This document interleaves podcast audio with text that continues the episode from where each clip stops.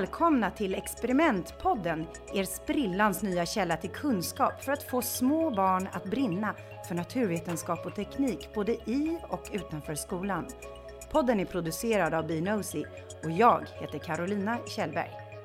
I dagens avsnitt befinner jag mig på Tom Tits experiment i Södertälje tillsammans med utställningspedagogen Anna Bergdahl Gustafsson. Anna utbildar idag vuxna inom naturvetenskap och teknik men har tidigare i sin karriär arbetat som förskolelärare.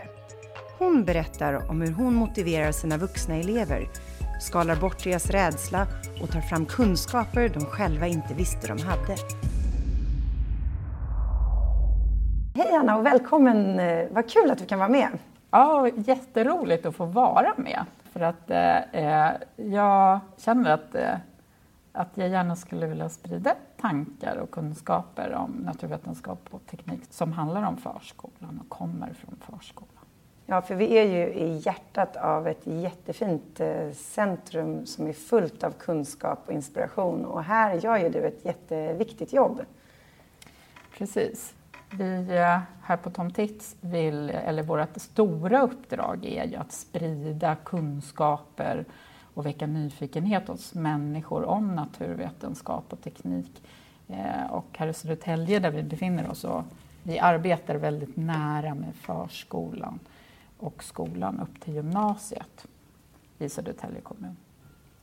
Och hur, vad får dig att brinna för ditt eh, jobb?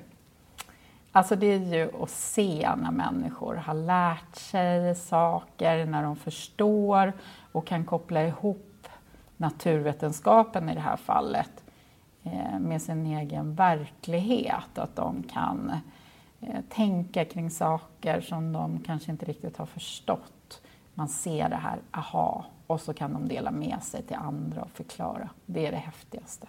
Vad härligt. Och du arbetar ju väldigt mycket med att eh, inspirera lärare som sen ska gå hem och mm undervisa eller inspirera sina egna barn i förskolan eller skolan, eller hur? Ja.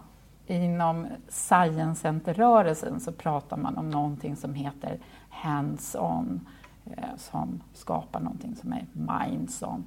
Eh, och det handlar om att upptäcka naturvetenskapen med sina sinnen.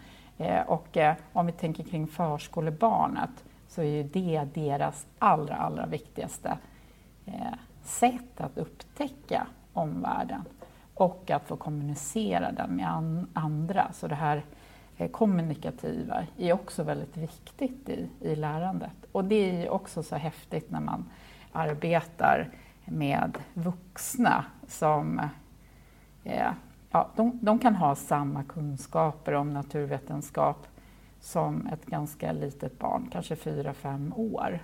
Eh, och hur de också utvecklas. Så kunskaper inom alla ämnen skulle jag vilja säga, det är gränslöst och ålderslöst. Så att man kan veta väldigt mycket som väldigt ung och väldigt lite som ganska gammal. Mm. Det härliga med kunskap är att den, eh, man aldrig kan nog. Precis. Så, och det har jag anammat genom hela min eh, yrkesverksamma tid också. Att man behöver alltid, eller man vill alltid lära sig nya saker för det är så häftigt och att det är eh, ja, spännande. Och när du möter dina kunder då som ofta är personal från förskola och skola, vad ser du som deras utmaning?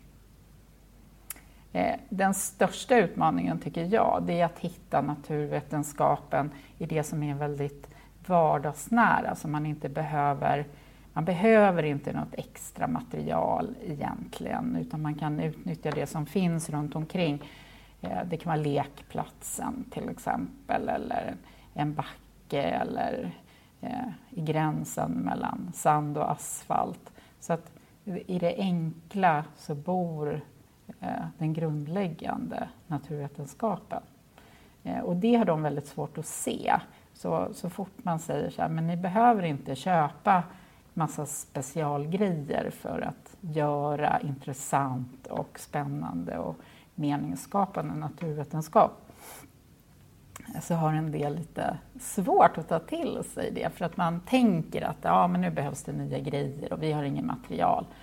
Eh, men det är också någonting som, eh, som vi tänker och pratar väldigt mycket om här på Tom Tits. Att det som vi presenterar här i vår utställning eller det som vi pratar kring naturvetenskap, det ska man kunna i princip plocka ut ur sina köksskåp hemma. Mm. Och så tänker vi också när vi gör våra experiment. Man vill att det ska kunna vara snabbt och enkelt och Precis. tillgängligt för alla.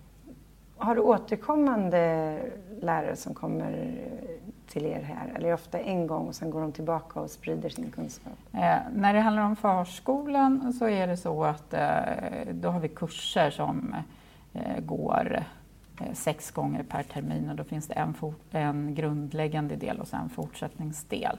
Så att eh, många kommer tillbaka för man behöver fylla på och särskilt när man jobbar med de yngre barnen så behöver man bli påmind om vad det är för någonting som man kan göra eller ja just det, de håller på med det här. Det är lätt att glömma bort för att eh, barnen sysslar med så otroligt många saker, olika saker och intresseområden hela tiden.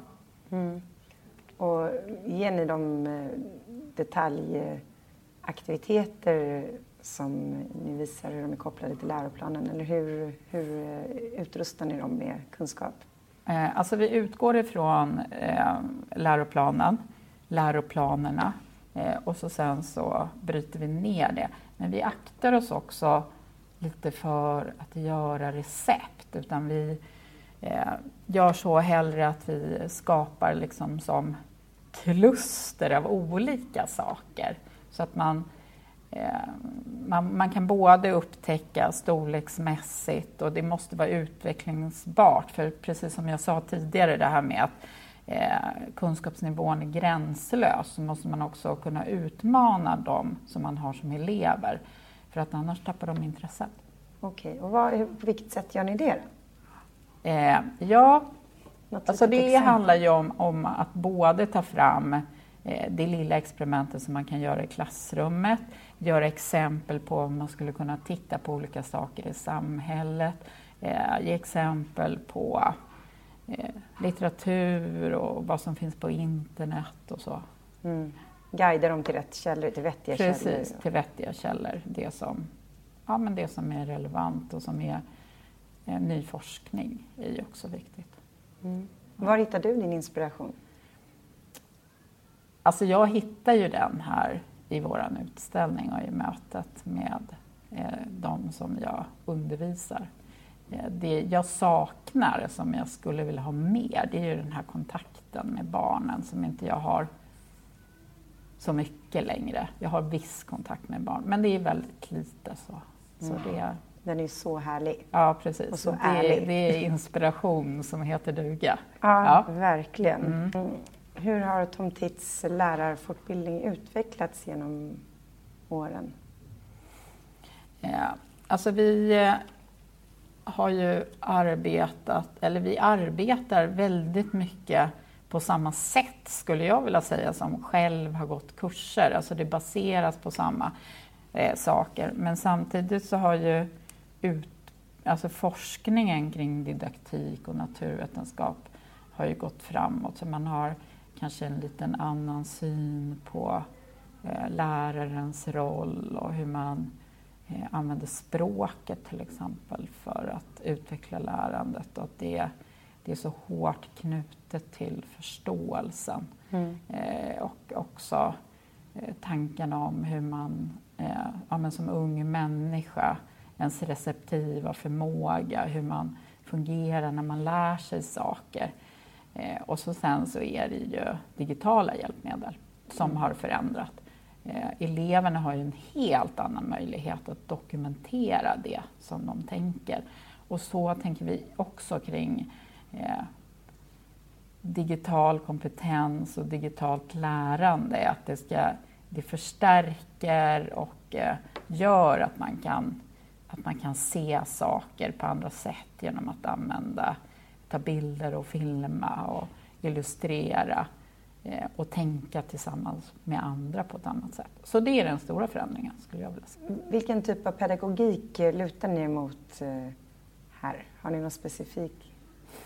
Alltså det som man, det som man säger det är ju det här med, det finns ingen pedagogik som heter det egentligen, men det är Science Center pedagogik och det handlar ju om det här att eh, Eh, man upptäcker eh, naturvetenskapen tillsammans med andra utifrån eh, de kunskaperna man har och de intressena man har.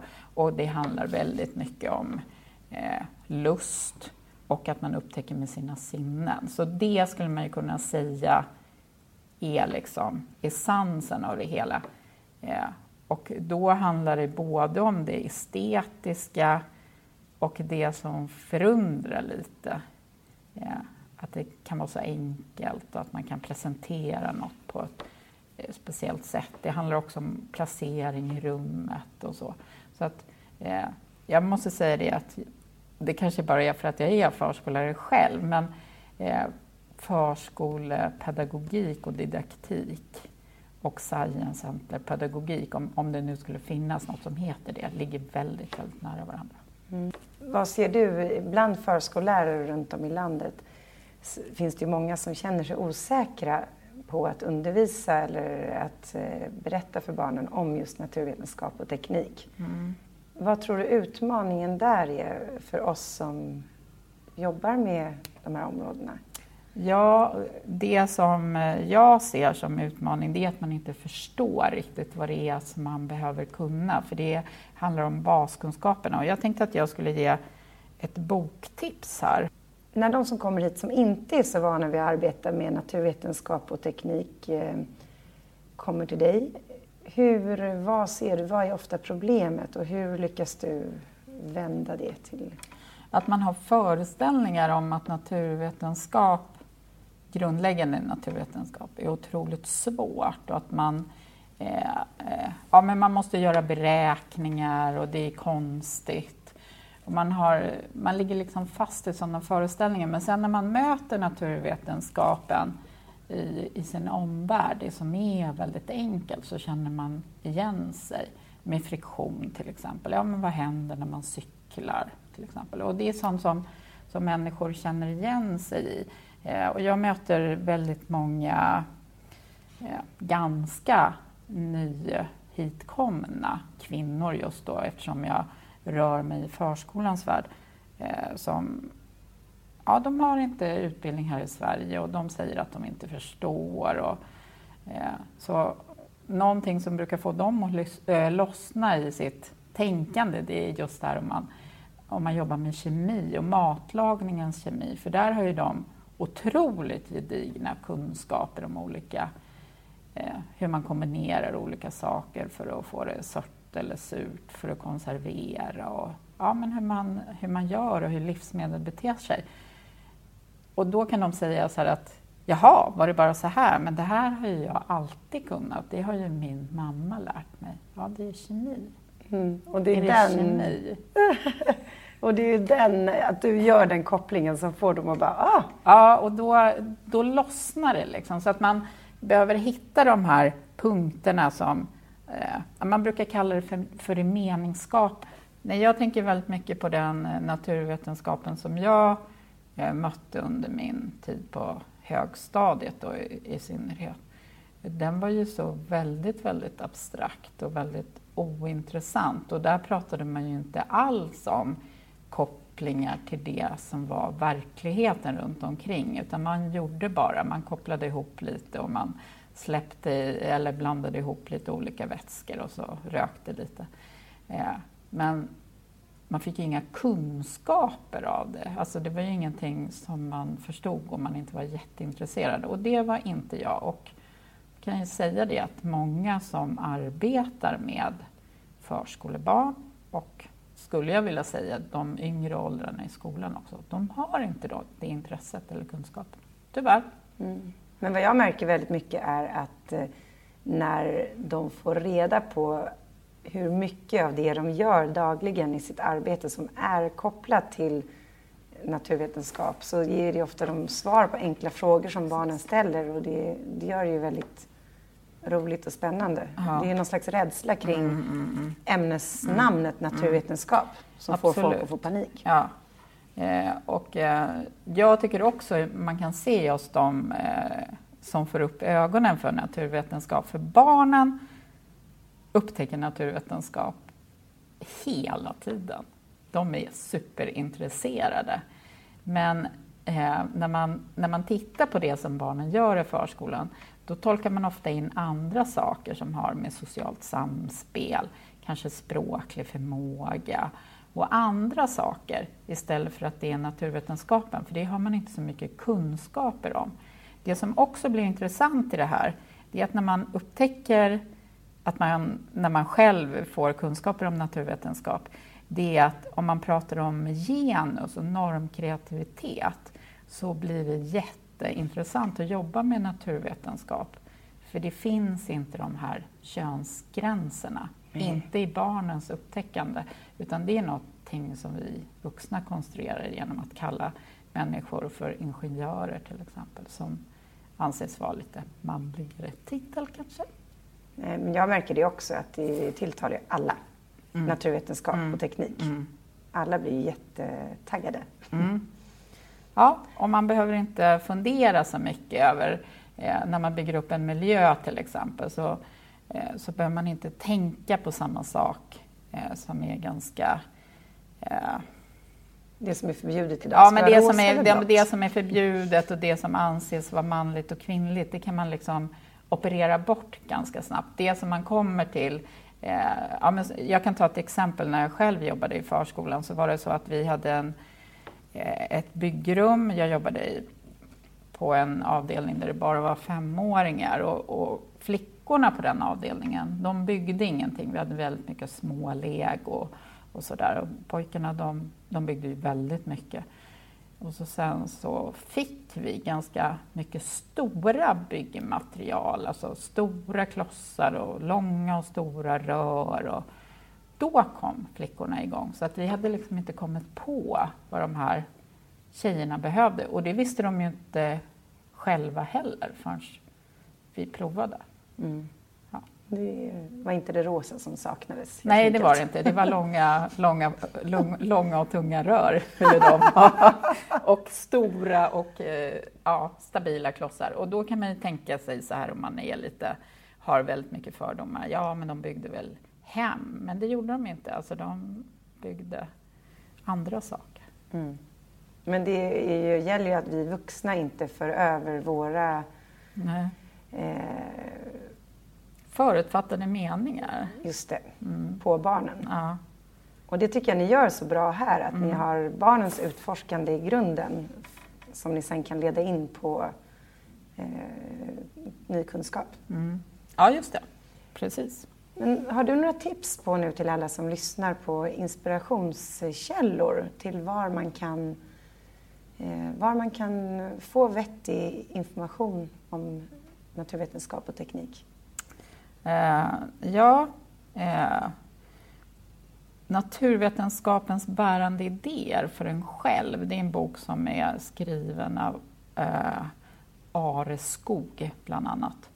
Och där får man reda på vad man behöver veta, vad man behöver ha för grundkunskaper inom naturvetenskap eh, när man ska jobba med förskolan.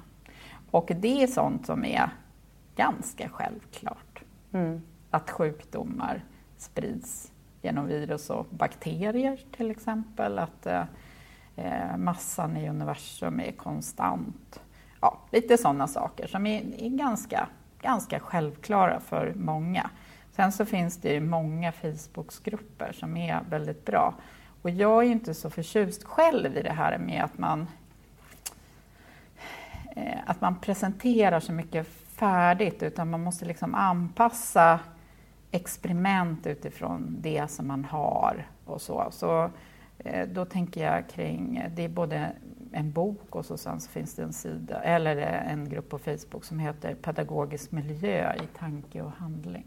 Mm. Eh, och hur man tänker kring det här.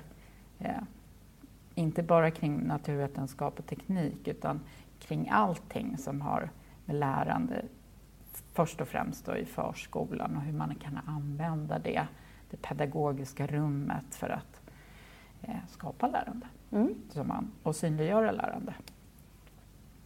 Eh, sen finns det en jättebra om man pratar om utomhusmiljö och det är rastaktivisterna, rasten som aldrig tar slut. Och det är ägnat mer åt fritids. Och det är också en bok? Nej, det är en, en grupp på Facebook mm. som man kan gå med. Eh, så eh, där kan man få många sådana här handfasta tips, men det är också ja, men det är enkelt och det är utprövat liksom på, på många barn. Och så sen så får jag jättemycket inspiration från forskningssidor som olika universitet har. Mm. Det finns ofta lite mer enklare föreläsningar. Vilka universitet har mest eh, forskning om? Alltså jag gillar ju Stockholms universitet, men det finns ju andra också. Man får liksom söka sig fram. Eh, om vi pratar om, eh, om förskolan just så har Stockholms universitet eh, matematikämnet och naturvetenskapens didaktik bra forskare. Mm. Ja, det finns överallt. Topp, vilka många bra tips. Ja. Så det är också att man måste, man måste öppna ögonen också och, och söka sig till naturvetenskapen lite också. Mm. Men delar du den kunskap som du har här utåt? Genom att... Ja, det gör jag ju. Till de, till de som jag har på fortbildningar och via studiedagar och sådär. Mm. Jag, jag handleder också arbetslag i Södertälje kommun. Så att, eh, Okej, okay, som består av eh, personal från olika Nej, då är det, då är det, vad heter det arbetslag som är på en förskoleavdelning. Mm. Så, så då handleder jag dem årsvis. Eh, eh, men eh, alltså det kommer ju nya grejer hela tiden så man måste ju liksom uppdatera sig själv också. Mm. Facktidningarna förresten är också jättebra. Om man är förskollärare till exempel eller om man är barnskötare så finns det jättebra facktidningar som handlar om ämnen man kan läsa. Mm. Och vad heter de? Eh, förskolan är en bra tidning. Eh, Origo, den är riktad mer mot skolan. finns det också en tidning som handlar om naturvetenskap och, eh, naturvetenskap och matematik. Mm. Bra. Och hur, hur hittar... Vem är det som kommer till eh, Tom Tits? Vilka tar sig hit? Det är ju dels... Vi har ju ett, ett jättestort uppdrag och vi har väldigt många Eh, det är en stor variation i våra besökare. Eh, dels kommer ju de här allmänbesökarna som åker hit som att man besöker ett museum som privatperson. Men sen så är det ju många skolor och förskolor i Mälardalen som kommer hit mm. med sina elever. Eh, sen så är det företag som finns runt om här i Södertälje som kommer och då det är vår chans liksom att sprida Eh, våra kunskaper om naturvetenskap och teknik kanske mycket till föräldrar och till de här familjerna som, som vi gärna vill ha hit.